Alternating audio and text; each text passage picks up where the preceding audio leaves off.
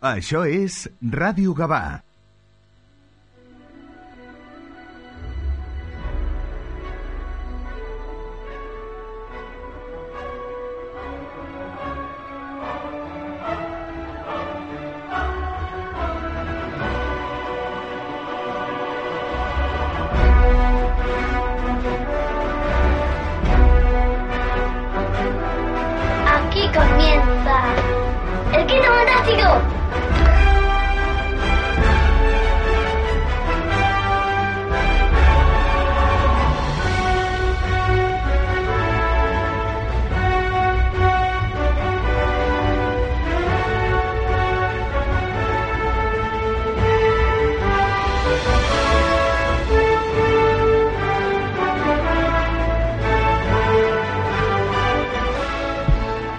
de la mañana y 46 minutos. Muy buenos días y bienvenidos a una nueva edición del Quinto Fantástico. Episodio 6 de la octava temporada. Bienvenidos a vuestro programa de cómics. Un saludo de quien les habla primer programa de del año, prácticamente ya en febrero, pero bueno, por motivos de obras en casa, COVID y demás, pues nos hemos tenido que, que aplazar un, algo, ¿no? Nos ha impedido estar con vosotras y con vosotros, ¿no? Pero al pie del cañón y con ganas de empezar y de tener ganas de leer cómics, de presentaros cómics, de leer un cómic por la radio, de te- leer TVOs, porque todo esto empieza a, co- a funcionar. Esto 2022 nos presenta algo que después de dos años de pandemia creo que lo vamos a disfrutar y bastante. Y cómo no, dar los buenos días a nuestra, hoy más nuestra imperiosa furiosa de las ondas. Maite, muy buenos días. Let's do it.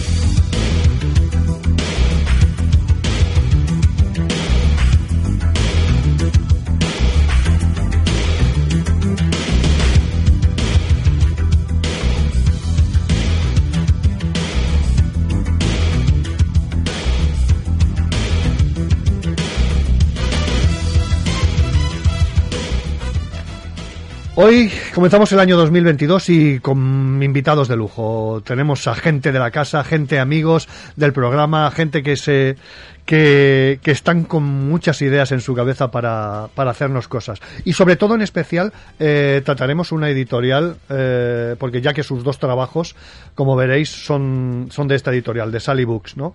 Eh, dos obras guionizadas, como digo, como dos, con dos amigos de- del programa, como son Fernando Llori y Javier Marquina. La de Fernando, Dream Breaker, a los lápices Fran Lobato. Y la de, Mar- la de Marquina, Progeny, eh, a los lápices Jaime Infante. Todo, todo un lujazo. Pero antes que nada, mm, vamos a contaros un poquito cómo está el mundo comiquero, nada, con cuatro o cinco pinceladas de, de las cositas que, que nos esperan un poquito, ¿no? La primera de ellas es decir que ya es oficial, ya es oficial que el Salón del Cómic de Barcelona se celebrará los días 6, 7 y 8 de mayo, sin que empezar a reservar eh, horas para, para esos tres días, ese viernes, sábado y domingo. Han quitado, han quitado el jueves, ¿no? De- bueno, ya el- la última vez que se hizo presencial también lo habían quitado. Entonces, pues, mm, bueno, vamos a dar un, un voto de confianza de momento a ver qué a ver qué tal sale con estos tres días y después y más viniendo después de todo lo de, toda la pandemia. Estaremos allí, cubriremos el evento, intentaremos estar esos tres días. Se- es que hay muchas cosas. Después de, de no estar presenciales, se cumplen 40 años. En fin, es, es el marco ideal para encontrarnos con amigos, eh, conversar con ellos de temas comiqueros. eh, bueno, mm, ya os digo, de momento no hay nada colgado en tema de información. Creo que nada más que está la exposición de Montaigne, y nada más que hay esto. Eh, bueno, según vayan saliendo, os iremos, os iremos informando a través de, de- del programa. Eh, también vamos, voy a intentar hacer unos pequeños recordatorios de todo, de un poco de, de, de cómo han ido estos 40 años. Ya, 40 años va a ser muy difícil eh, condensarlos en, en, un programa, ¿no? Pero intentaremos a buscar entrevistas, eh, aunque sean antiguas, intentaremos reproducirlas eh, aquí mm, a grandes ilustradores como podía. Por ejemplo, Bea, Fernández, fin, bueno Mm, puede ser algo una cosita bastante bastante maja y bastante ilustrada para meternos de lleno en esos 40 en esos 40 años.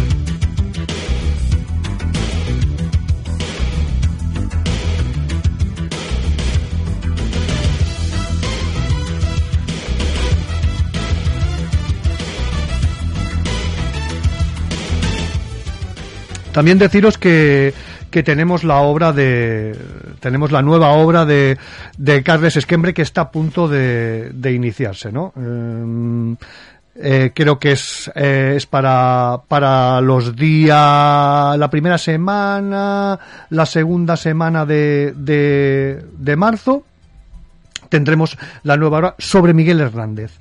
Eh, lo tendremos aquí. Seguro que nos sacará un hueco para tenerlo aquí. Y mm, me gustaría ese, ese, día, pues, hacer un pequeño programa eh, sobre la figura de, de, Miguel Hernández, ¿no? Contaremos con Carlos Esquembres, intentaremos también con, contactar con Román López Cabrera, que también editó, creo que fue en, en diciembre, otra obra sobre Miguel Hernández, ¿no? Y me gustaría pues tenerlos a los dos para que para que cada uno pues nos nos hablara un poquito sobre sobre esa sobre esos dos trabajos, sobre la figura de, de un grande como, como podía ser como puede, como podía ser Miguel Miguel Hernández.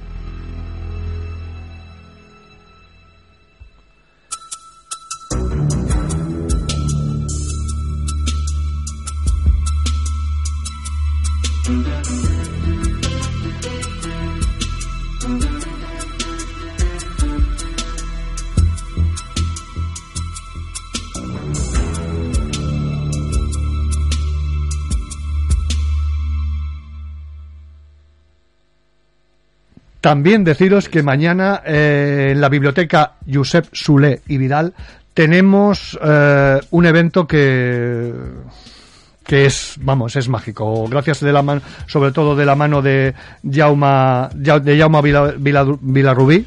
Tendremos a Albert Montaigne a partir de las seis y media. Podéis venir, aunque no seáis de comiqueros, yo creo que la figura de Montaigne es algo que, que siempre por todos sus trabajos, Universo, Matadero 5, nos de, no nos pueden dejar indiferentes, ¿no? Eh, creo que sería será una sesión bastante maja y sobre todo bastante amena para conocer la figura de Albert Monteis, ¿no?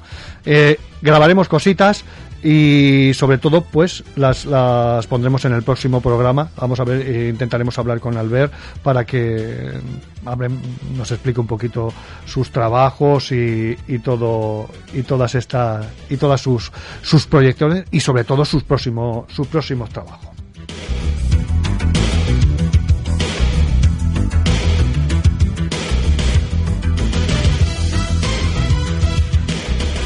Y lo que tenemos a la vuelta de la esquina es eh, Valencia 2022. Y que serán los días, este sí que es sábado y domingo, los días 4 y 6 de marzo. Del, perdón, del 4 al 6 de marzo, serán tres días. 4, 5 y 6. Con un elenco bastante espectacular.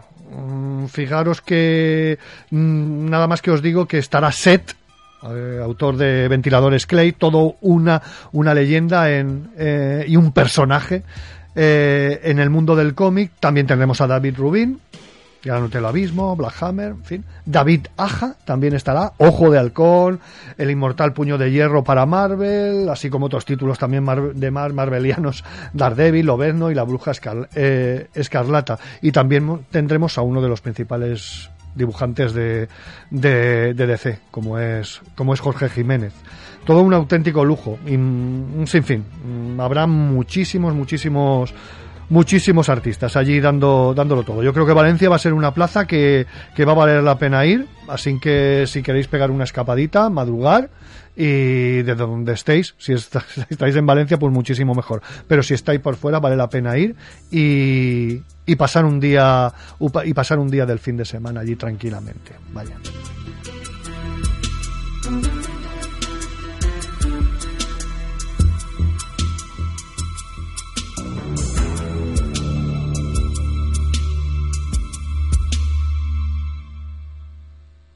Y ahora nos vamos con la entrevista, con nuestra primer, el primer bloque, con nuestra primera entrevista. Nos vamos con Fernando Llor.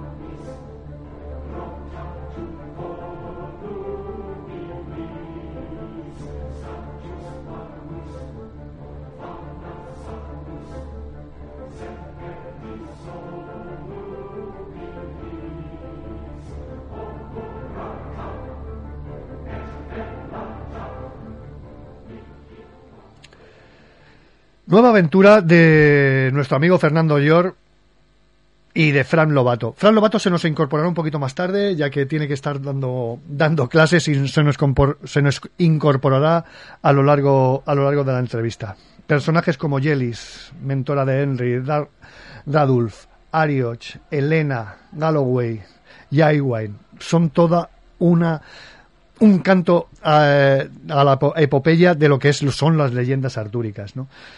Fernando Yor, muy buenos días y bienvenido una vez más al Quinto Fantástico de Radio Gabá. Buenos días, Alberto, ¿cómo estás? ¿Qué tal, cómo estamos? Bien, bien, aquí estamos, ya sabes, eh, currando. sí, oye, porque es, es, un auténtico, es un auténtico no parar lo tuyo, ¿eh? Bueno, es, eres una catarata de, de ideas, vamos, espectacular, vaya bueno, yo qué sé, el día que sea capaz de, parar la cabeza, a lo mejor es problemático. Oye, una, una cosita antes de, entrar de lleno, sobre todo con, con, este último cómic tuyo. ¿Qué tal Octobrania? Ah, Octobriana, bien, muy bien. La, verdad es que fue una experiencia muy divertida, ¿no? El, hecho de poder coger un, un personaje que está libre de derechos y que tiene además un origen tan curioso, tan estrambótico y que ha representado pues, un icono dentro de la cultura pop en, muchos países. Y poder hacer algo con, con, un personaje de estas características pues será ya un, caramelito, ¿no? Y encima juntar un equipo de gente eh, ya no que sean buenos dibujantes, sino que además son, son amigos, que nos llevamos muy bien y, y, poder sacarlo con, con Mercedes, con, con Cósmica, que está creciendo y tal, pues todo, todo una muy buena experiencia, la verdad. Y además ha funcionado muy bien, se ha agotado la, se ha agotado la primera edición, se, se acaba de lanzar la segunda, o sea que, muy bien. Muy bien. Yo tengo ganas de, de, cogerlo, de, de, leerlo, porque va a haber esta visión tuya a, nivel superheroico, a ver qué, a ver qué es lo que tiene. Sí, bueno, es muy divertido, ¿eh? O sea, yo creo que te, que te puede, que te puede gustar, por, poco por eso, porque al final lo que queríamos era divertirnos, sobre todo divertirnos. Oye, ¿qué tal este cambio ahora de, nombre para los que no, no lo sepan? Eh, de Rocketman Project ahora ha pasado a, cambiarse de nombre. Sí, a Cósmica, ahora es Cósmica, Editorial, han hecho esto que ahora se le llama un, un rebranding, ¿no?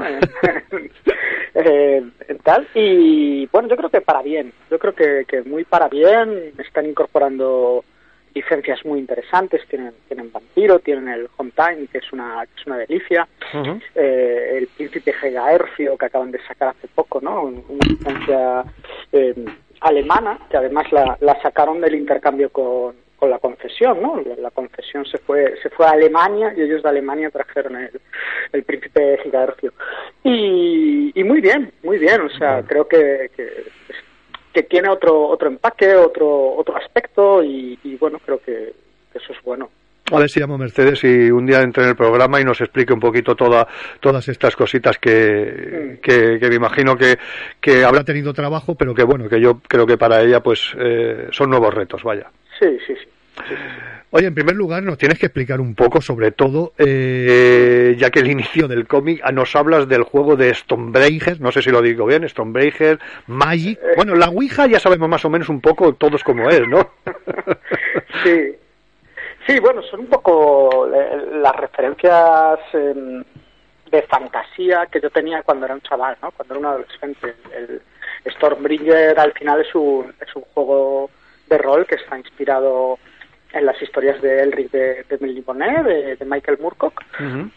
y, y, bueno, yo cuando leí los primeros los primeros cómics que habían salido de Elric en, en España me quedé fascinado, ¿no? Y los leí, pues yo qué sé, con, con 13, 14 años. Y era, era una cosa que a mí me, me volvía loco. Y ya cuando empecé a jugar al, al rol y, y probé ese ese juego ya me quedé totalmente prendado de su, de su universo. Y luego las Magic, pues qué quieres que te diga, o sea, las Magic, eh, yo qué sé, los que somos así un poco, un poco frikis y, y roleros y de juego de cartas y tal, yo las, las Magic las tuve que dejar. O sea, imagínate cómo era, cómo era, el, cómo era el enganche, pues las tuve que dejar porque eso me, eso me dejaba sin un céntimo. Entonces, entonces, ahora juego, ahora juego, pero juego en la versión que hay de, de ordenador y tal, el Magic Arena, y, estoy muy orgulloso porque sigo sin gastarme un céntimo, pero puedo jugar. Y, y no sé, era como, como esa especie de fascinación por ese tipo de, universos. Y dentro del cómic, pues la verdad es que nunca había hecho yo fantasía eh, heroica o fantasía épica como tal, ¿no? O sea, sí, sí, que a lo mejor había hecho cosas aventuras que tenían algo que ver o tal, pero lo que es el, el género puro no lo había tocado. Y, y, bueno, ya sabes que a mí me gusta tocar todos los palos. Bueno, vamos. Y, y cuando estaba trabajando con Fran, Fran y yo habíamos preparado ya algún, alguna propuesta de proyecto juntos que no nos terminó de salir. Tuvimos alguna oferta para que nos saliera, pero no nos terminaba de convencer un poco el, el ámbito, las condiciones o lo que fuese.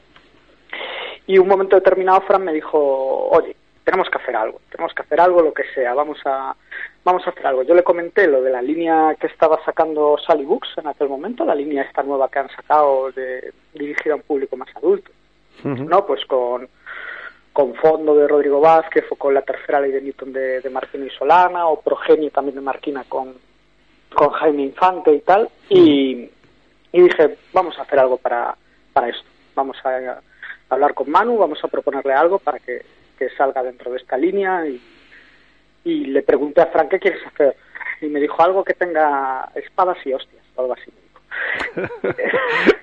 sí, yo creo que a él también le va la marcha un poco. y yo dije, ostras, pues con espadas y tal, dice, va, voy a, voy a ver si, si consigo armar algo de fantasía heroica que recoja un poco todos los, los referentes que, que a mí me mueven dentro de, ese mundo y a la vez eh, eh, trate de, de, modificarlo un poco, de darle una, una vuelta, ¿no? Y, y ahí salió y ahí salió Dreambreaker. Yo antes de que entre, de que entre Fran, me gustaría, eh, yo creo que es, porque creo que es parte tuya, el, lo que sería el epílogo final, ¿no? Lo que, lo que es sobre todo el epílogo final de Frankie Mackenzie, la batalla del paraíso. Yo recomiendo al lector que esa parte no la tenga. A veces cuando ya llegas dices, ostras, he leído el cómic, parece que esto aquí me van a pegar una parrafada yo recomiendo al lector que esa parte la lea con una tranquilidad pasmosa, ¿no? Eh, ¿Cómo decides poner estos textos al final? Dices, Mira, he acabado la historia, voy a poner esto. Te agradezco esta pregunta, no te, no te imaginas cuánto. la primera, además, porque todo el mundo le está llamando los extras del cómic. Y no son extras. No, no, no, no, no, Es decir, es, parte de la obra. Claro, claro, claro. Es parte de la obra y además son, son textos muy diferentes. Es decir, sí, sí un texto del siglo XIX, un, un, texto del siglo XVIII, eh, unos poemas que se encuentra, eh, un, un, tipo portugués que se los lleva a un antropólogo, un antropólogo que está... Un hereje. Yo para mí es un hereje. en aquella época sería el hombre, ¿no? Que está totalmente fuera de, su profesión, desterrado y tal, y dice, ostras, mira lo que he encontrado, pero nadie me va a creer, ¿no? y, todo, y todas esas pequeñas piezas sirven para aclarar muchas cosas con respecto a la historia, ¿no? Sí, sí, sí. No en cuanto a, a, cosas capitales, ¿no? De decir, ah, ostras, ahora entiendo qué ha pasado, sino un poco de cómo se ha, cómo se ha quedado configurado el mundo antes de la historia y después de la historia, ¿no? Es decir, el, pequeños detalles, ¿no? Que, te dan muchas pistas y yo creo que, que, bueno, era una apuesta un tanto arriesgada eh, porque sabíamos que mucha gente ni siquiera se lo iba a leer ¿no? Porque era como, uy, ¿cuántas, letras aquí al final del cómic? Sí, sí, sí. y, y aún así dijimos, venga, vamos a tirarlo para adelante y tal, a ver qué, a ver qué pasa. Y hasta compusimos la, la canción que sale, la, compusimos nosotros. O sea, que no es que... Mira, bueno, Perdona, perdona, perdona, sigue, sigue, sigue. Es que me has, dejado ahora con eso un poco flaseado, con lo de la canción. dime, dime. Sí, no, no, y que era, era un poco el, el coger esas no sé, como, como en, estos juegos de rol lo mismo, ¿no? Siempre hay un trasfondo, siempre hay un poquito más, siempre hay algunos escritos donde, donde se cuenta un poquito más sobre, sobre pues la vida de los personajes, su biografía, su pasado, ¿no? El entender que, la posición que tenía Ariok al lado de Lucifer en la batalla, ¿no? Pues, pues, eso, es, eso es importante de saber, porque luego al final Ariok va a tener muchísima presencia en, en la historia, ¿no? Entonces es como, bueno, mm, era un juego, era un juego, arriesgamos un poquito. Hay muchos lectores que ni siquiera le están dando una oportunidad, pero, pero bueno, no sé, ya te digo, y, que no son extras, por favor, que dejen de decir que, que son los extras del libro. Es que para mí no es claro, es que sí, a, ver, al principio dices, bueno, ahora vienen los extras, vienen, vienen los dibujos, a lo mejor pues Fernando o Fran han contado con alguna con alguna colaboración y tal, pero dices, ostras, es que te engancha, según vayas vas leyendo, te va enganchando. Yo miré lo de la canción, lo de la canción, yo pensaba, claro, lo miré por internet, no me sale absolutamente eh, nada de, de, la canción. Claro, es que yo digo, a ver si es por canto, como es que ahora, no me sale, el, no sé, como una especie de canto gregoriano de la época, el Philip de Gross, ¿no? Eh, digo, a lo mejor es que venía, sí, venía, nos venía. inventamos todo, nos inventamos todo. Ostras, tú qué fuerte. Es que es una composición. Oye, pues genial. De 10. De 10. Yo creo que... que ya de puestos a jugar, vamos a jugar bien, ¿no? ya puestos a jugar, jugamos con todo. ¿Los versos finales también son sacados de la... ¿Esos son sacados de la batalla del paraíso? Eh, no, no, no, eso es, eso es, creado también. Es creado. Sí, sí, sí. Y la batalla del paraíso también, o sea, es todo... Vale, vale, vale, vale. Es todo... A ver, existe un, un texto de la batalla del paraíso original que, sí, porque que se encontró en, en el siglo XVI y tal, eh, pero nosotros lo que hacemos es eh, eh, redactar de nuevo toda esa batalla, o sea, para que para incorporar a, Ariok como, como personaje. Oye, muy genial el, el, epílogo final ahí con Albert Montaigne, ahí a tope. Sí, sí. Sea, es un epílogo cortito, pero, pero, pero directa y al pie, ¿sabes? O sea. Sí, yo creo, a ver, mm, yo creo que eh, igual encuentras un epílogo o, una introducción y, tal, y, te encuentras ahí un mucho. Yo creo que tiene que ser eh, algo muy conciso, lo que tú dices al pie, y decir, oye, mm, esto es lo que vais a encontrar, vais a disfrutar, vais a tal o cual. Eh, no sé, yo creo que tienen que ser muy bastante cortitos, vaya. Mm. Oye, eres muy fanático de, de las leyendas artúricas, ¿no? Eh, sí, sí, me gusta, me gusta mucho y, he leído además diferentes versiones, porque ya sabes que en esto hay pues muchísimos autores que han dado sus interpretaciones o han, o han creado sus textos y bueno, algunas han circulado durante más durante más tiempo y son un poco las más hegemónicas, si es que se puede si es que se puede decir, porque en esto también hay, hay mucha discusión, pero sí sí que me gusta sí que me gusta mucho y, y de las adaptaciones que se han hecho después, ¿eh? o sea, de, de también de, de pues, yo qué sé, la película de Excalibur para mí es un referente absoluto, ¿no? Entonces también se lo, se lo dedico a, al director el cómic, ¿no? A, Sí. a, a John Burman. Y, y sí, sí que me gusta mucho. Y me gustaba jugar además un poco con, con que apareciesen personajes por ahí, personajes clave de- dentro de, los mitos artúricos, pero que no tuviesen tampoco un peso capital, ¿no? Es decir, que aparece Morgana o, aparece Merlín, sí, aparecen, pero no gira todo en torno a ellos. Entonces era, era una forma de, pues un poco de divertimento también, ¿no? De juego un poco dentro de- del mundo de la fantasía, ¿no? De por qué inventarme un panteón de magos eh, que no conoce nadie, si puedo recurrir a un panteón de magos que sí que conoce la gente, ¿no? Que sí que le suena a, a- a los demás.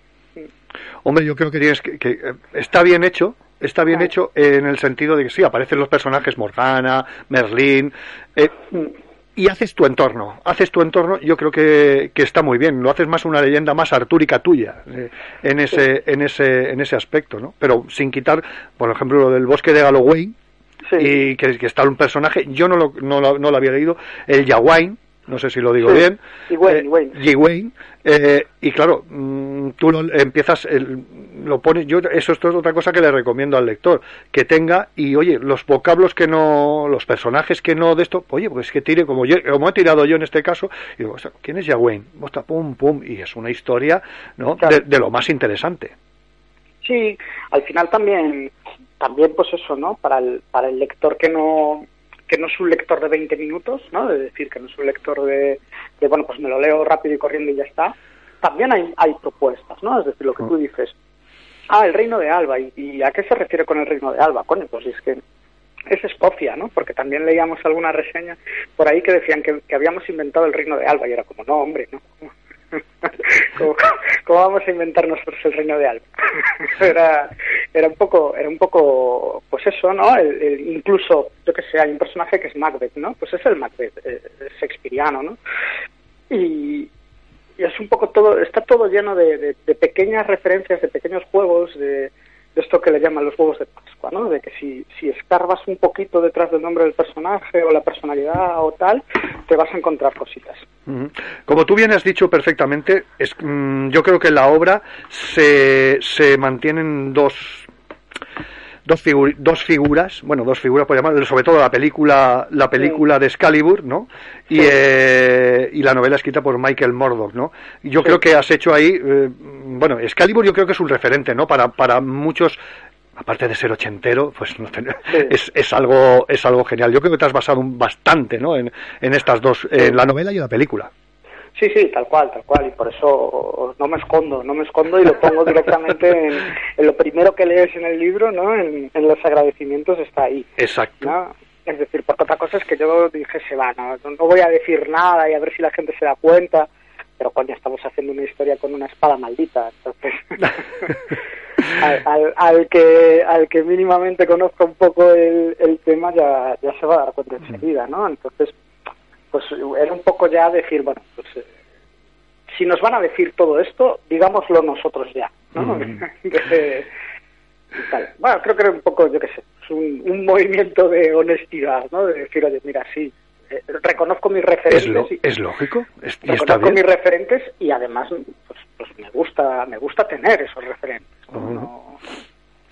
Oye, tenemos a tenemos a Fran a Fran ya en antena. Fran, muy buenos días. Fran, Sí, ¿lo tenemos ahora ya? eh, sí. Hombre, Fran, muy buenos días y bienvenidos al, al Quinto Fantástico. Muy buenos días, ¿qué tal? ¿Qué tal? Bueno, permíteme primero leer un poquito, un poquito de, de tu pequeña biografía, ¿no? Dibujante de cómics, ilustrador, publicó su primera obra en España, Culo Gordo, fue ganador del concurso Eclipse publicado por Cover. Eh, además ha trabajado como ilu- ilustrador y artista conceptual para diferentes empresas, De Beer, Cool, Dominion Group. Actualmente imparte clase, que por cierto los ha dejado, los ha dejado allí a, todos allí con, con algún ejercicio eh, hecho hasta que, hasta que acabemos la entrevista, que estaremos un ratito. Bueno, ¿qué tal estás, Frank? Pues muy bien, sí, sí, les he dejado trabajando un poquillo y, Oye. La, ocasión no merece, dime, dime. No, no, eh, eh, Fernando nos ha estado comentando un poquito cómo llega, nos ha dicho cómo os llega, cómo llega esta historia, ¿no?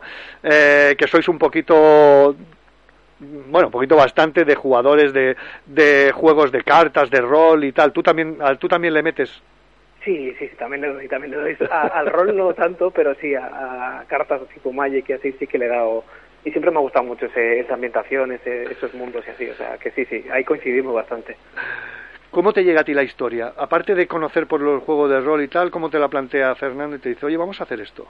Sí, pues en realidad estábamos, habíamos intentado ya alguna cosilla juntos y, y estábamos un poquito con ganas de, de publicar algo y demás. Y pues le dije, pues a mí me gustaría hacer una, una historia de corte fantástico, me gustaría que fuese un protagonista de este tipo, me gustaría pues varias cosillas, ¿no? Como que me gustaría trabajar con él en, una historia que tuviera esas, esas características.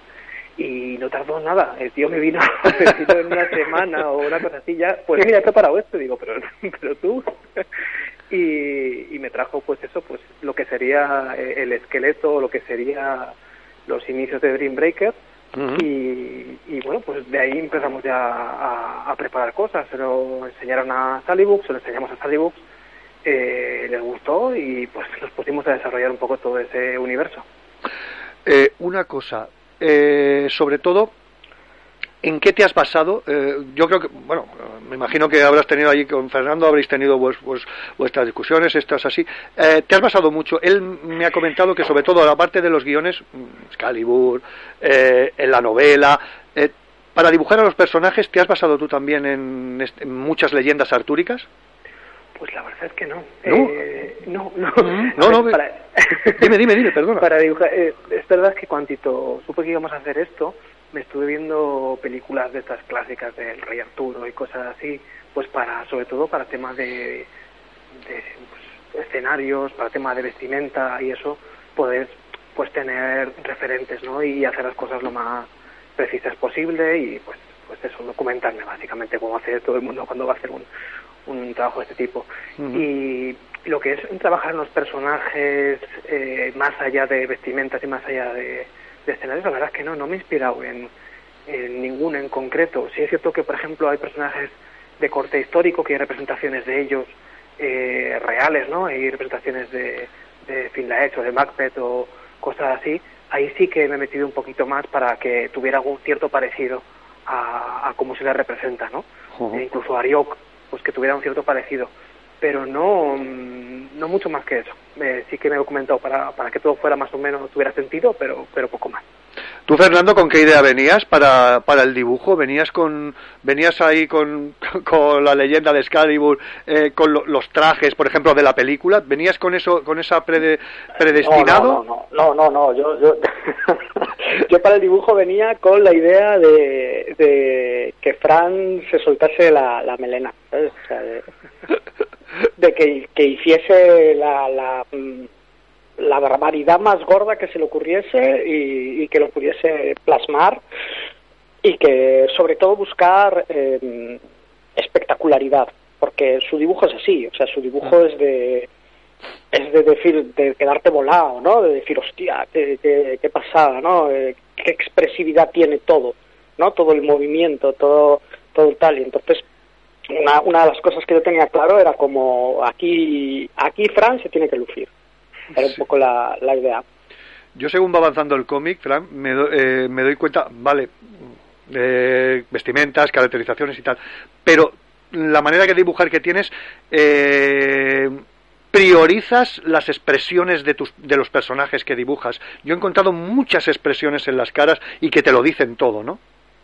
Sí, ahí sí que es cierto que intento ser muy muy concreto y intento dar todo para para para expresividad tanto tanto de la cara como del cuerpo.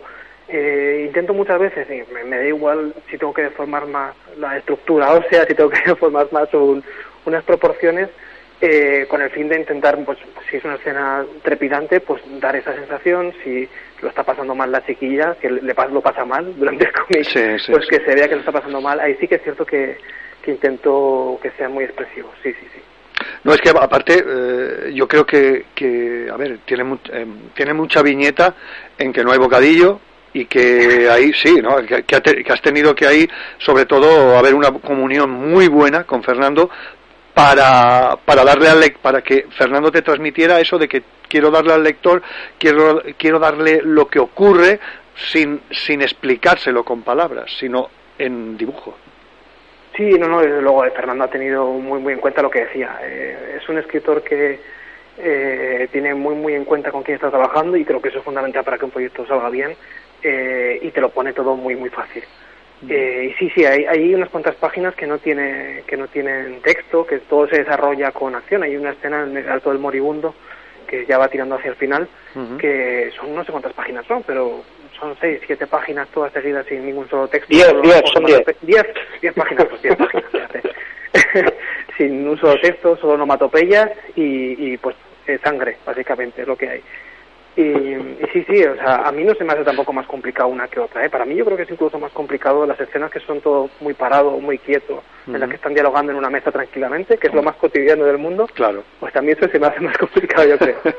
no, pero dibujar magia y, brujería en este caso. Mira, ahora mismo tengo aquí delante, eh, que lo tenía como destacado, sobre todo cuando entra, entra eh, el ser el ser supremo no toda la cara que tiene todos los movimientos de manos en fin eh, cómo hace arder su magia y tal y, y te da muchísimo te, te, dices ostras ostras no no para que llegue para que llegue al lector ¿Es, es, la escena de la doble página esta que hay en la cruz celta? ¿o? Sí, sí, sí, ah, sí. Sí, sí, sí, igual. Además, esa, esa tuvo miga. Yo creo que ha sido la página que más nos ha costado planificar, porque, bueno, era, era ambiciosa por parte de Fernando y, era complicada, sobre todo luego el tema de bocadillo, el tema de viñetas, es como que es más complicada de leer que el resto, yo creo. Oye, Fernando, el tema tema de vocablos, sobre todo con las invocaciones de brujería, las has sacado, te las has inventado tú, ya, es que ya me, tienes eh, sorprendido en ese aspecto. ¿Las has sacado tú? ¿Has ido, por, has ido, has ido buscándolas? Eh, me, las he, me las he inventado, me las he inventado, pero, pero partiendo de partiendo del esperanto, porque dije, bueno, pues voy a, voy a ver ¿Qué, idioma puedo coger para que no sean los típicos latinajos, ¿no? Porque siempre me, siempre se va como al latín, siempre tal, y dije, bueno, pues voy a cambiar un poco. Y, es Esperanto. Ostras, ostras, qué bueno. Ostras, qué bueno, tú. Sí, o sea, aquí nos hemos vuelto locos, ¿eh? No, no, no, no.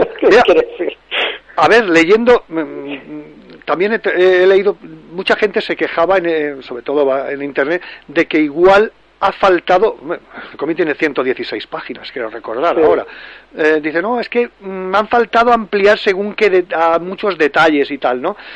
No lo sé, no lo sé si se puede convertir eso en un arma de doble filo y ser algo espeso. No lo sé. Eh, a lo mejor si hubiésemos tenido 20 páginas más, eh, la sensación hubiese sido muy distinta. yo creo que al final hay que entender que que es una cuenta atrás, ¿no? Que lo que tiene Eri como, como protagonista es que tiene muy poco tiempo para, para llevar a cabo su cometido, ¿no? Si lo estoy extendiendo, si te estoy dando datos de no sé qué, si te hago un recorrido por todo el mundo, si tal, al final esa sensación de premura no, no la vas a tener, ¿no? Entonces, yo creo que, que, era una apuesta arriesgada una vez más, ¿no? el jugar a ir deprisa, ¿no? Para entender que, tenemos poco tiempo, que es que la historia tiene muy poco tiempo, ¿no? Eh, de hecho, hay varias veces en las que le van marcando distintos personajes y le van diciendo, te quedan tres días de vida, ¿no? O te quedan dos días de vida, mm. ¿no? O sea, es como que, ya le están diciendo que, pase lo que pase, eh, lo que le queda son tres días, ¿no? Tanto si, tanto si gana como si pierde. Entonces es como, como que, bueno, pues eh, si estamos en una historia que es contrarreloj, lo normal es que sea acelerada. Entonces, bueno, yo qué sé, al final cada lector también hace su interpretación y, evidentemente es, tan buena como, cualquier otra. ¿no? Yo no he querido desvelar nada del argumento porque es un argumento para mí bastante mágico y sobre todo épico.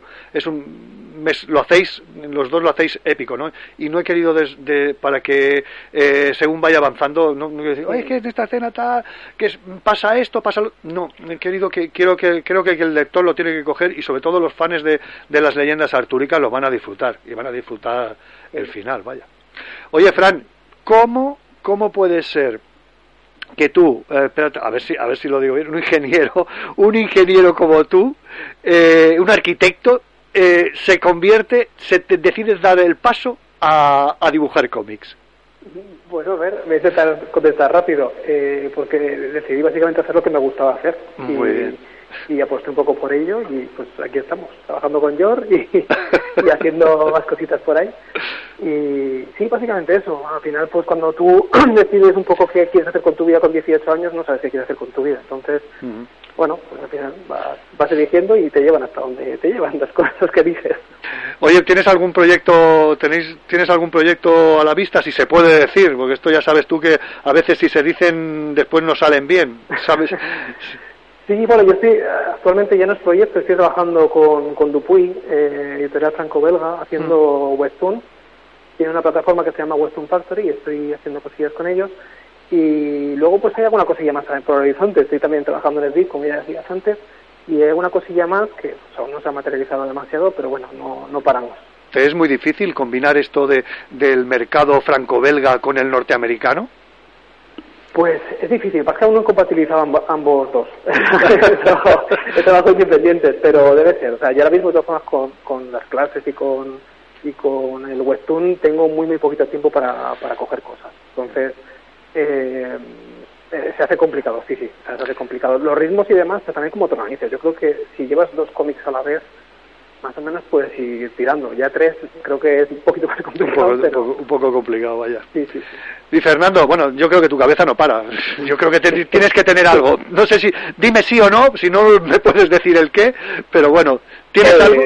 Sí, sí, si además sale, sale un TVO nuevo la semana que viene. Ah, eh, que es una cosa muy curiosa que, que hicimos a, a ocho manos somos, somos tres guionistas, que somos Raúl, eh, Damián y, yo, y, Esteban Hernández dibujando. Y es un, un cómic que creo que, que, va a gustar bastante, que, se llama el, el, fracaso como una de las bellas artes. Y lo edita Valnera Gráfica, y lo que cuenta es como en, hace unos años Esteban estaba buscando la manera de entrar en el mercado franco-belga, y fue contactando con diferentes guionistas, ¿no? Contactó con Raúl, preparó algunas propuestas, contactó conmigo, preparó, preparó también alguna, eh, y luego con Damián, ¿no? Y es un poco ese periplo que, que fue pasando y incorpora un poco eh, a modo de cachondeo, ¿no? El, el, cómo nos íbamos estrellando contra un muro, ¿no? De, de, cómo lo difícil que es hacer cómic y hacer cómic además si quieres dedicarte a otros mercados que, que es donde está la pasta y que son mucho más exigentes porque hay muchísima más competencia. ¿no? Eh, y, y, es curioso porque vamos incorporando las propias propuestas que nosotros enviábamos, ¿no? Es decir, hacemos una introducción de un poco qué es lo que vamos a preparar y te enseñamos la propuesta de, de aquel cómic y el lector puede ver el, aquel proyecto que no salió ¿no? O sea, es un, es un, poquito experimento, pero creo que, creo que está muy bien. Bueno, pues y, estaremos a estaremos al acecho a ver a ver qué tal qué tal sale esta cosita. Oye, es un placer te haberos tenido aquí en el programa y sobre todo en el primer, este es el primero del año y oye, genial. sí, sí, una cosa y otra, faena en casa y, y el COVID, bueno, yo creo que estamos, pero bueno, ahora ya no intentaremos lanzarnos y sobre todo aquí esa idea de, de que a ver si, viene, si venís a Barcelona a hacer una mesa redonda aquí en Radio Gabá sería, sería espectacular. No, no la descartes si vienes, ¿eh? Bueno, yo ya sabes que, encantado, encantado, encantado de entrar en el programa siempre que quieras y si nos vemos allí, mejor todavía.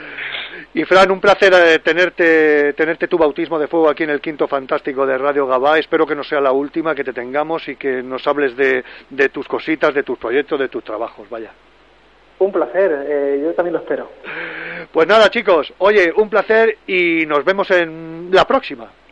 Venga, un abrazo, Alberto. Chao, chao. Un, abrazo.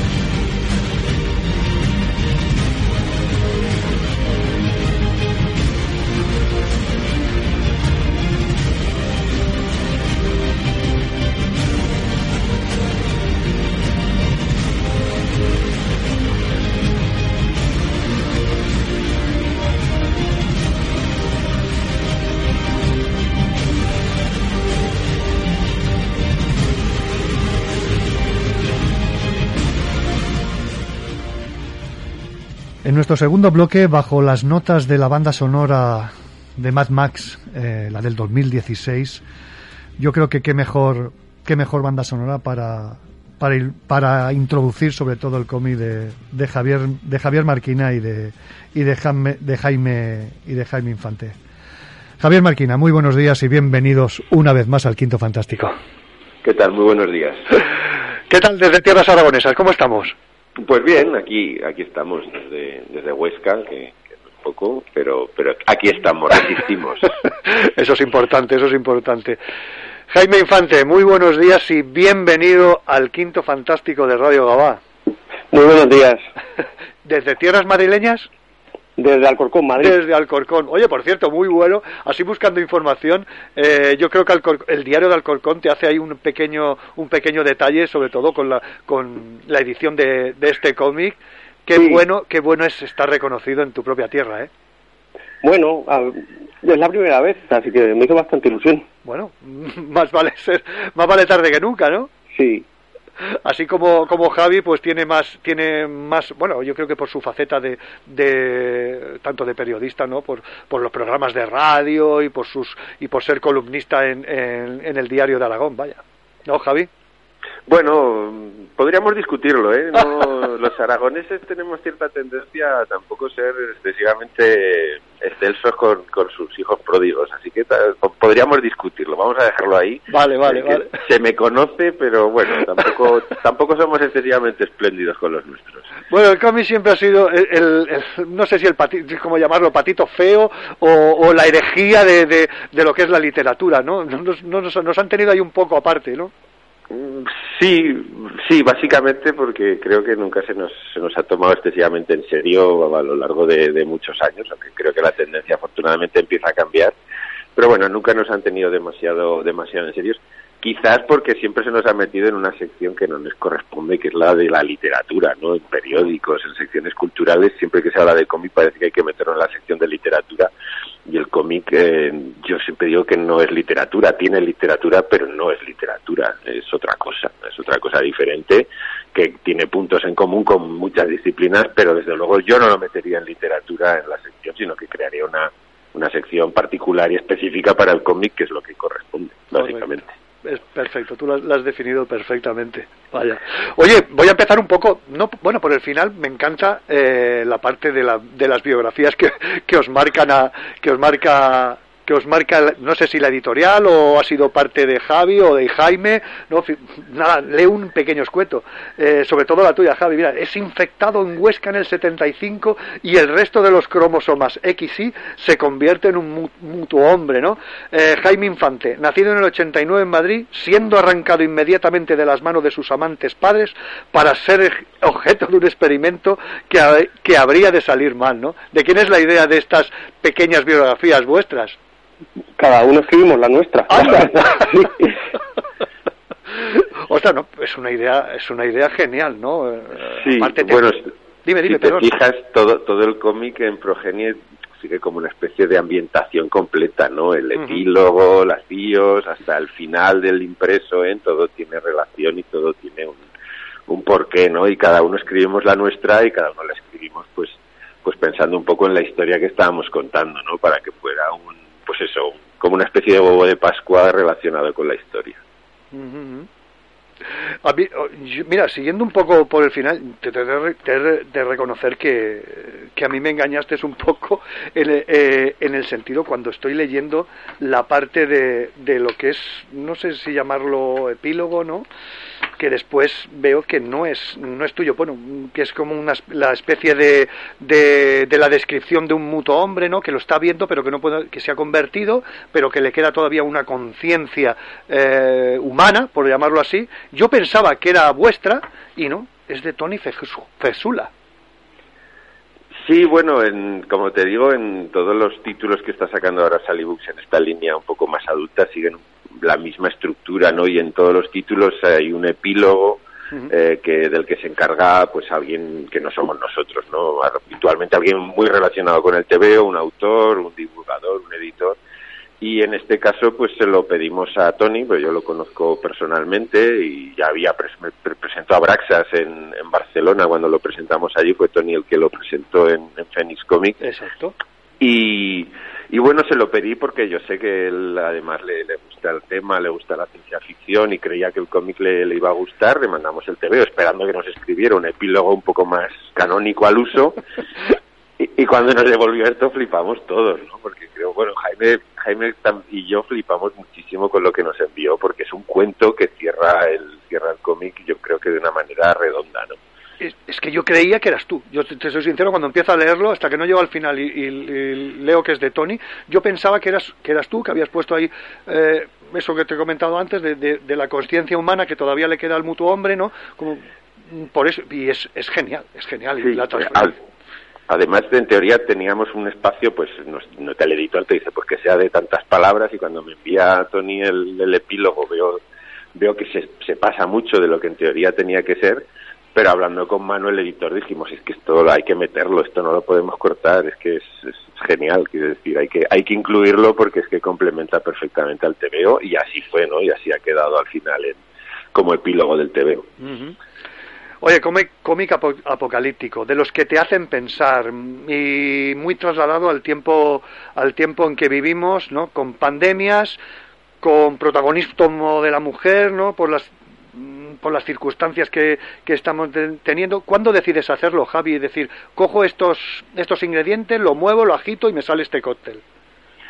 Pues eh, no te sé decir exactamente cuándo surge la idea, ¿no? Pero sí que yo habitualmente los cómics que hago pues vienen de, algún tipo de flash, de algún tipo de concepto. Y en este caso todo empieza por la idea de cómo sería la sociedad si los hombres desaparecieran de la faz del planeta y las mujeres tuvieran que sobrevivir sin, sin hombres, ¿no? Sobre todo en, pues en, en, facetas más biológicas y reproductivas, podríamos decir, ¿no? ¿Cómo podríamos hacer perdurar la, la especie en una sociedad en la que los hombres han desaparecido y no van a volver, porque por alguna razón no van a nacer más hombres y los que nacen están condenados a convertirse en monstruos, ¿no? Y a partir de ahí, pues, pues empieza la idea, ¿no? Una idea que además, bueno, Jaime lo, podrá decir, empieza siendo mía, pero a medida que vamos trabajando en ella se convierte en algo mutuo, ¿no? Porque los dos hemos trabajado mucho y yo en muchos momentos no sé decir qué ideas son mías, qué ideas son de Jaime y qué ideas son de los dos, ¿no? Ha sido un proceso de, de colaboración, yo creo que muy estrecho mm. y, y, que al final yo creo que es el que proceso que mejora el TVO, ¿no? Desde el que surgen los TVOs que realmente funcionan, cuando el dibujante y el guionista pues col colaboran estrechamente y aportan cada uno sus ideas y sus, sus pensamientos. Jaime, eh, bueno, como dices, como dice Javi, cogéis ahí, cogéis ahí bastante, bastante cositas entre los dos. ¿Cómo te decides a, a crear ese, ese ambiente, ese, lo que sería, lo que sería las gorgonas? Eh, ¿Cómo, eh, te basas en alguna película? ¿Te basas cuáles son sus, tus estereotipos? Pues eh, la verdad es que la, la, cosa me la propuso Javi, pues aparte uh -huh. de él y durante un tiempo yo me lié a hacer diseños, pero aún no teníamos ni una editorial ni teníamos nada. Teníamos simplemente la, la idea y un poco el desarrollo principal del guion, pero ni siquiera había un guion cerrado. Y un poco, pues van surgiendo los diseños de las discusiones que tenemos, o sea, discusiones amistosas, no discusiones amadas, sí, entre, entre Javier y yo eh, sobre películas y TVO distintos. Él me iba lanzando referencias siempre tenemos claro, por ejemplo, que, que, películas de acción de los 80 como Aliens, o sea, la, la segunda parte, la James Cameron, Exacto. o Depredador, o cosas así, iban a, iban a formar parte. Luego yo, eh, le, a lo que él me lanzaba yo le daba otra vuelta. Y, por ejemplo, eso pasó con el Concilio de las Madres, que yo le estuve dando muchas vueltas a, a las ideas de fertilidad, de longevidad, a todas estas ideas asociadas a lo femenino, y que nos llevaron a, a diseños así un poco locos, como lo de las, las trenzas estas inmensas que tienen las madres que forman las raíces de un árbol. Sí. Eh, o sea, fue todo un poco orgánico entre los dos. Y bueno, de hecho, a raíz de, de haber ido colgando en internet varios diseños sobre este TVO, fue cuando surgió el tener una editorial. Uh -huh. Ah, ¿se pone en contacto con vosotros Alibook? Sí, se puso en contacto con Javier. Con, con Javier. Uh -huh. Ostras. ¿Y tú decides, que cuándo decidís que el cómic tiene que ser en, en blanco y negro? Eso fue una imposición de la editorial. ¿Ah, sí? Ostras, yo pensaba que era tuya. A ver, yo digo, seguro que será de él, de Jaime, ¿no? No, o sea, yo, yo me siento muy cómodo en blanco y negro. De hecho, algunas cosas mías las he coloreado yo, otras veces me, han coloreado coloristas, como, como Manoli Martínez, ahora el de El Puritano. Pero yo muchas veces me, eh, me suelo sentir muy, muy, muy cómodo en, en el blanco y negro. De hecho, es, suelo tener un tipo de mancha de negro que los coloristas dicen que, que es un poco difícil de, de tratar. Así que a Manu le gustaba, había visto cosas mías en blanco y negro. Y Manu, perdón, por si el oyente no lo sabe, es el, el editor de Sally Books. No lo sí. A Manu le. Sí. No, que no lo había dicho, que no. Perdona, sí, sí, muy bien. A Manu le gustaba mi blanco y negro y nos pidió que este cómic fuera en blanco y negro. Que no, no es algo que haya sido así en toda la línea de, de cómic adulto de Sally Books, porque han salido otros cómics en, en color. Y esto, por una parte, para mí era maravilloso, pero a nivel editorial eso a veces es un pequeño suicidio. Sí, bueno, pues sí, sí. A ver, yo he visto mucho, eh, no sé, no sé, no sé qué edad tiene Manu. Mm, Es, no, no lo sé, pero yo creo que igual a lo mejor leyendo este cómic se ha basado un poco en, yo he visto, bueno, por lo menos en mi opinión, lo, lo, que he visto yo, en historias, las historias cortas de revistas adultas de las que teníamos en los 80 y en los 90, que era de Zimmock, la de 1984. Yo aquí he visto una historia ampliada de, de todas esas historias apocalípticas que nos daba, que nos daban eh, aquellas revistas. No sé, Jaime, Jaime y Javi, ¿cómo lo, cómo lo veis? Ese era otro gran referente. Uh -huh. Vamos, pa, tanto para Javi como para mí, yo creo que que autores tanto españoles como extranjeros como eh, Javier Ortiz o Le, Leopoldo ay cómo se llama el de Boogie Leopoldo. Ay, se me ha olvidado su, se me ha olvidado su apellido no te preocupes. los, los, oyentes hablan de quién hablo. O, o cómics como los de Juez o cualquier cosa de 2000 AD eran referentes para los dos Sí, eh, yo creo que la ciencia ficción de los 80, como decía Jaime, las películas y pues eh, pues eso, el Cimo, que el Zona 84, la Metal Harlan eran eran referentes que estaban allí y un poco sobre los que queríamos girar al contar una historia, ¿no? Una historia que muchas, muchos lectores me la han definido como un blockbuster, ¿no? Como una película de acción de los 80-90, que básicamente sí. es lo que yo, yo y Jaime pretendíamos hacer, ¿no? Una película de, de acción, con su reflexión, con su mensaje allí, que sí que es cierto que está, pero sobre todo una película que, o sea, un, cómic que, que pareciera una película, ¿no? Que fuera un pues eso, un, un referente claro a la hora de, de, leer el TV. Sí que es verdad, es que son es, es un auténtico canto. Yo por, por eso a Jaime, eh, aparte, ¿sigues dando clases en la Academia C10, ahí en Madrid? Sí, los, los sábados imparto un curso de introducción, bueno, introducción, es, no, no es el curso del máster, pero es como un, un curso eh, un prim, una primera aproximación al cómic y la ilustración. No, es que te lo pregunto más porque veo, veo muchísima cosa de en tu dibujo, mucha cosa de Bea, de Aureleón, de Maroto, y te quería preguntar si conociste a Carlos Díez en persona. No llegué a conocerle, él falleció en el 2016 uh -huh. y yo he entrado a trabajar allí este año, en 2000, en, bueno, el año pasado, en 2021. Eh, conocía su trabajo, eso sí sí que era, o sea, todos estos grandes aerografistas españoles de los 90 sí, lo, sí los conocía, pero nunca llegué a conocerlo en persona. Un auténtico. Yo tampoco he conocido en persona, porque también ya lo conocí, eh, el programa no, no, no salía todavía, eh, pero lo he conocido a través de YouTube y demás, y todo un auténtico ídolo por las revistas del Metal Gear y todo el pen, Penthouse Comics, bueno, cuando sí. no había lo que no había ahora, ja, eh, Javi lo podrá reafirmar. Yo no sé si ja, Javi lo llegó a conocer a Carlos Díez. No, no, tampoco lo llegué a conocer porque cuando yo empiezo así mi, mi, mi, movimiento tanto de divulgación como de guionista, yo creo que pues eso debía ser para el año 2016, 2015. O sea, que yo estaba empezando y no tuve la suerte de la suerte de poderlo conocer, así que bueno, una lástima, pero como dice Jaime es, es referente, ¿no? Y todos sí. todos los autores que tú has tratado eh, pues también son referentes, ¿no? Yo además a Jaime siempre se lo digo, y mucha gente se lo está diciendo que, que tiene ese, ese toque de Alex Todd, que es una referencia, yo mm. creo, uh -huh. imprescindible a la hora del blanco y negro. Y, y, tengo que romper también una lanza por el blanco y negro, ¿eh? que yo sí, creo siempre, que está, siempre. está, está muy denostado. Yo a la gente ahora que dice, no, es que el blanco y negro es un suicidio, yo siempre les digo una, una única y exclusiva palabra, que es manga. El próximo que me Ah. diga que el blanco y negro no vende, eh, que alguien le recuerde a ese alguien que dice que no vende la palabra manga. Y ya con eso creo que está absolutamente todo dicho. Correcto, perfecto. Sí, sí, sí, es que es que con eso ya, ya, ya los callas, es que ya, le- vamos, la persona que se tiene que dar un, con un, contra una pared cuando le dices eso totalmente.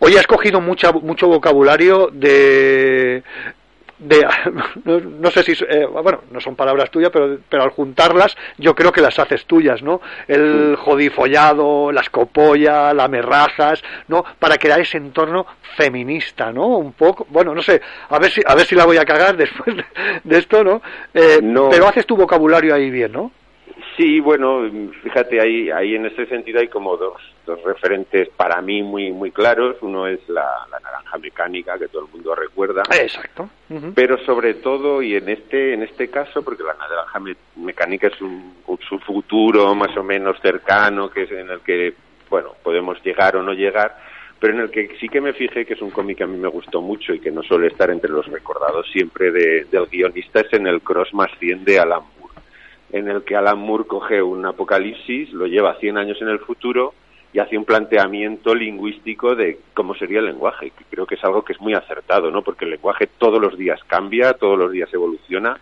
y palabras que estamos usando hoy no se usaban hace 30 años, por ejemplo, o 50 años. Entonces quería un poco experimentar con, con qué pasaría si la, uno, la sociedad solo fuera de mujeres, si además los hombres fueran un elemento allí de, de, de- maldad, de, caos, de, de que él se lo había destruido todo, y cómo un poco podía evolucionar el, el lenguaje, tratando siempre de ser comprensible, ¿no? Porque tampoco te puedes liar allí a, a volverte loco y a cambiarlo todo, porque al final lo que quieres es que el lector entienda de lo que estás hablando, ¿no? Que era un poco la, la batalla. Pero sí que me, me pareció divertido, me pareció que se podía hacer y creo que, que bueno, que aunque hay gente que le cuesta porque dice que le ha costado entrar, porque el neolenguaje este como que le saca un poco, pero yo creo que era algo que teníamos que hacer, que era necesario y que además en una sociedad como la que se plantea yo creo que, que había que intentarlo por lo menos, ¿no? Así que pues eso, si es una sociedad de mujeres en la que además los hombres son, son el mal, pues la palabra escopolla tenía que ser casi obligatoria, ¿no? Como algo de, de identificar el, lo negativo, ¿no? Además en un lenguaje como el nuestro en el que, bueno, palabras como coñazo y demás y cojonudo Sí, sí. eh, indican cosas buenas o cosas malas con un tinte, pues evidentemente machista, ¿no? Y me apetecía, me apetecía hacerlo, me, me pareció divertido y sin más, no sé si lo he conseguido o no, pero yo me pasé muy bien escribiendo, eso sí que te lo tengo que decir. Que no se crea el lector que todo es así. Hay, hay referencias, hay otras cositas que, mm, por ejemplo, la enfermedad de Abraham, que es la enfermedad, el Mm. virus, que le llamas el virus de, de los hombres, loada sea Eva, ¿no? Mm, Aquí siempre, loado sea Dios, ¿no? Pues aquí le pones tú el loada sea Eva, la, las- la- el arca de Noé le llamas el arca de Namá, quiero recordar, en fin, Sí. eh, un vocabulario muy rico, súper rico, vaya. Sí, bueno, y luego un planteamiento también de, de, cómo se, se usarían las palabras, ¿no? Porque, eh, por ejemplo, sí que es cierto que el- la palabra, palabras más solantes como la palabra puta aparece en el cómic, pero aparecen en momentos muy determinados, ¿no? Que dan un poco la, el, el valor que podría tener la palabra en ese momento, ¿no? Y luego todas las referencias que se usan, pues son referencias en las que se sustituye lo masculino por lo femenino en la medida de lo posible, ¿no? También hay ahí hay un dibujo de una estatua que esta es idea de, creo que es idea de Jaime y de su primo, en la que en vez de Perseo sosteniendo la cabeza de la gorgona, es Medusa la que sostiene la cabeza de Perseo, ¿no? Como, como una referencia a que es una sociedad en la que las mujeres pues son las que las que gobiernan, las que dominan y las que lo controlan todo. Jaime, ¿a ti te gusta Conan? ¿Te, te- ¿quieres le- ¿Has leído Conan? Soy fanático de Conan en todas sus manifestaciones. es que, es que, es que vamos, yo cuando giré, ah, casi, está casi al final, no lo pone en la página que es, dije, este tío es fanático de Conan. Sí, no sí, sé sí. si sabrás a la, a, a la viñeta que, que me refiero, ¿no? Creo que sé, sé perfectamente a cuál te refieres. Digo, ostras, digo, este tío tiene que ser de Conan total y absoluto. Bueno, y de, y de hecho es que eh, es eso de juntar, esto que acaba de decir Javier de la, la estatua de Perseo, hubo un momento eh, que para mí hizo clic el guion, cuando empezó a funcionar, es cuando Javi me dijo que el equipo de las mujeres se llamaba el equipo Cabeza de Gorgona. Entonces empecé a darle vueltas, empezamos los dos a darle vueltas a la idea de una contraposición, igual que existe la contraposición entre lo femenino y lo masculino, las mujeres al las mujeres en esta sociedad están en su antigüedad, es decir, están en lo primitivo, es el futuro, pero es una nueva antigüedad. Entonces decidimos ponerle a todo nombres de, de referencias clásicas. De hecho, todas las estas mujeres soldados tienen nombres de, de zonas del mapa del mundo antiguo. O sea, la, Bactriana, por ejemplo, era una zona de, de Afganistán que, que, a la que llegó a entrar Alejandro Magno. Etiopía era una zona de la antigüedad también. Entonces, eh, vimos que era muy fértil lo de contraponer lo clásico con lo moderno. Y de hecho, bueno, de ahí nace incluso la portada, de, esa contraposición entre lo, futurista y lo más clásico. Eh, ¿Lo de Medusa es idea tuya también? No, eso es idea de Javi. Javi? Sí, yo creo que sí. Vale, vale. No, no, no, no, no. A ver, como, como es un dibujo, es la portada y aparece ahí en, la camiseta de, Ah, bueno, eh, el, logo en sí fue... El logo, el logo, perdona. no me he explicado bien, perdona. Esto no... Es lo que decía Javier. Eh, llega un momento en que las ideas eh, no, no sabemos de cuál es, porque él en una frase ponía algo ponía el equipo cabeza de Gorgona y yo dije pues a esta señora hay que ponerles un logo pues son como un grupo de superhéroes pues como la X de los X-Men o como como la, el 4 de los cuatro fantásticos. Entonces, pues dije, ah, pues voy a poner esto. Y, al Javi le gustó y le dio otra vuelta. Y así, entre el uno y el otro, fuimos moldeándolo. Vale, vale, no, es que me llama, bueno, a mí, allá con, la con lo que es la portada del, del cómic me, me, mata, ¿no? El ver a Medusa ahí, digo, esto tiene que, y bueno, lo ves a través de, a través del cómic, lo ves en varias facetas, digo, y no, no llega a explicarlo muy bien. En, creo que no se llega a explicar en el cómic, quiero recordar, lo, del porqué de Medusa. Pero bueno, está ahí y yo creo que es un intríngulis, ¿no? Es que esa es parte de la, yo creo que esa es parte de la gracia de los universos de ciencia ficción. El hecho de que no todo esté explicado, porque tú en, en nuestro, alguien que vive en nuestro mundo no le explica a otro por qué tenemos teléfonos móviles o por qué el fútbol es un símbolo universal. Son cosas que se dan por hecho. Entonces, en, un universo de ciencia ficción tienes que establecer cosas y dejar un poco el enigma de por, por qué esa ciudad se llama Nueva Durango. No, no es importante, pero se llama así. Es decir, eh, creas un mundo a base de vacíos, con pequeñas referencias. Oye, Es, es una pasada el cómic. Yo, yo es que lo recomiendo mucho porque lo he disfrutado, lo he disfrutado mucho porque soy muy amante, bueno, como os he comentado antes, de la ciencia ficción y sobre todo de esas, de las revistas aquellas. ¿no? Eh, eh, Javi, perdona, ¿cómo decides el título?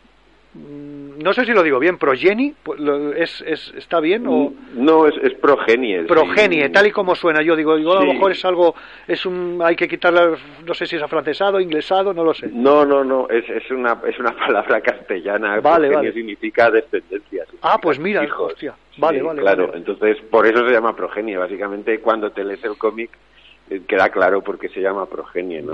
porque de lo que de lo que un poco habla es de eso, ¿no? Pero la progenie es tu descendencia, es la, la pues eso, los hijos, la, lo que dejas detrás de ti de alguna manera a través de, de, la procreación, por eso se llama progenie.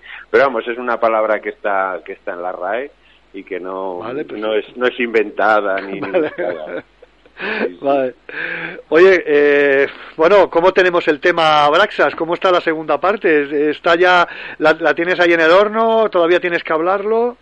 Pues la segunda parte de Abraxas está ya en sus últimos coletazos y si todo va bien y no hay ningún problema ni con papel ni con estas cosas que ahora mismo es todo una incertidumbre y un no se sabe, pues yo creo que entre abril y mayo va a estar ya por ahí pululando, porque ya lleva ya lleva unos cuantos añitos cociéndose muy muy despacio y, y Ertito ya está acabando de colorear y como te digo, si todo va bien, en, en abril mayo tendremos tendremos este Abraxas 2 haber elegido muerte que, que bueno que parece que hay mucha gente que lo espera a ver a ver qué pasa con el Fomacarra.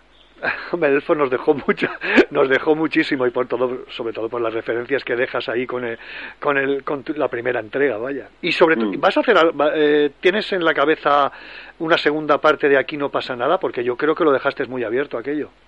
Sí, también hay, hay algo, porque con, con Javi y con Guillermo estuvimos hablando de, hacer una segunda parte, pero, pero bueno, llegará. Ahora mismo estoy metido en, tantos líos y en tantos proyectos y en tantos guiones. Vale, vale, vale. Que, lo que necesito es tiempo y, horas para escribir. Pero sí que hay una idea, ya hay una. Además, ya, ya hemos empezado, ya hemos tocado algunos personajes, ya sabemos más o menos a quién queremos colocar y manejar. Y, está en proyecto. Lo que no te puedo decir es cuándo, más que nada porque por, por, mi culpa, ¿no? Porque es que no, no doy no doy para escribir tanto como, como me gustaría. Y Jaime, yo, vamos, muy fanático de Salomón Kane. ¿Cómo va, cómo va esta experiencia del puritano con él Torres? Que es un grande, qué, qué persona. Lo he entrevistado dos o tres veces, magnífico. Bueno, cuenta, cuéntanos, cuéntanos de, del puritano con el Torres. Pues eh, yo es que soy un tío, soy un tío con una suerte inmensa. Porque primero he trabajado con, con Javi, que yo no conocía su obra, y, pero ha sido maravilloso porque hemos acabado siendo muy amigos. Y el Torres es un tío al que yo admiraba profundamente, era fan de sus tebeos, y ahora considero que es mi amigo también. Entonces he tenido una suerte inmensa, porque fue precisamente yo creo que viendo, viendo páginas de Progenies donde le llamé yo la atención a, al Torres. Y de hecho, bueno, el diseño de rotulación de Progenie es suyo. Él no quería que se supiera mucho, pero yo siempre lo digo, porque hay que darle mérito. Vamos, la rotulación la ha hecho Manu, pero el diseño es de, del Torres. Así que yo cuando me dijo de trabajar con él y cuando me propuso, bueno, entre que me, el primer contacto y cuando cerramos un proyecto pasaron unos meses, pero cuando por fin me dijo, vamos a hacer el TV de Solomon Kane, yo ya sabía que era suya desde la primera cita. O sea, tenía unas ganas de, de trabajar con él y más de, en cuanto vi que era un personaje que a mí de verdad me gustaba, pues yo sí había leído los relatos de, de Solomon Kane antes, pues soy bastante fan de Howard.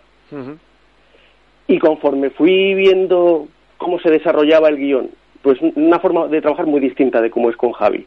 Es decir, yo no sabía cómo acababa el puritano hasta dos semanas antes de dibujar la última página. Ostras, qué bueno. Así que yo mismo fui descubriendo la historia y, fue un proceso para mí genial.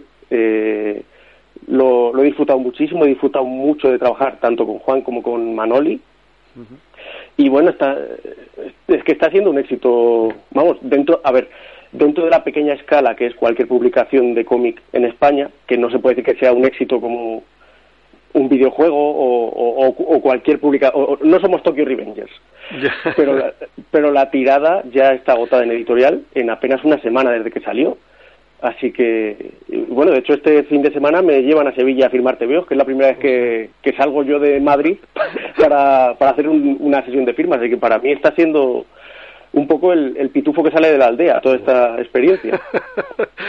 Yo es, que Carras lo está rompiendo con, con todas las publicaciones que bosque, de los suicidas, bueno ahora la trilogía, porque van a ser tres, eh, la trilogía esta de, de Hogwarts, una es el puritano. Yo creo que Carras lo está haciendo, no es que lo esté rompiendo, sino que lo está haciendo muy bien.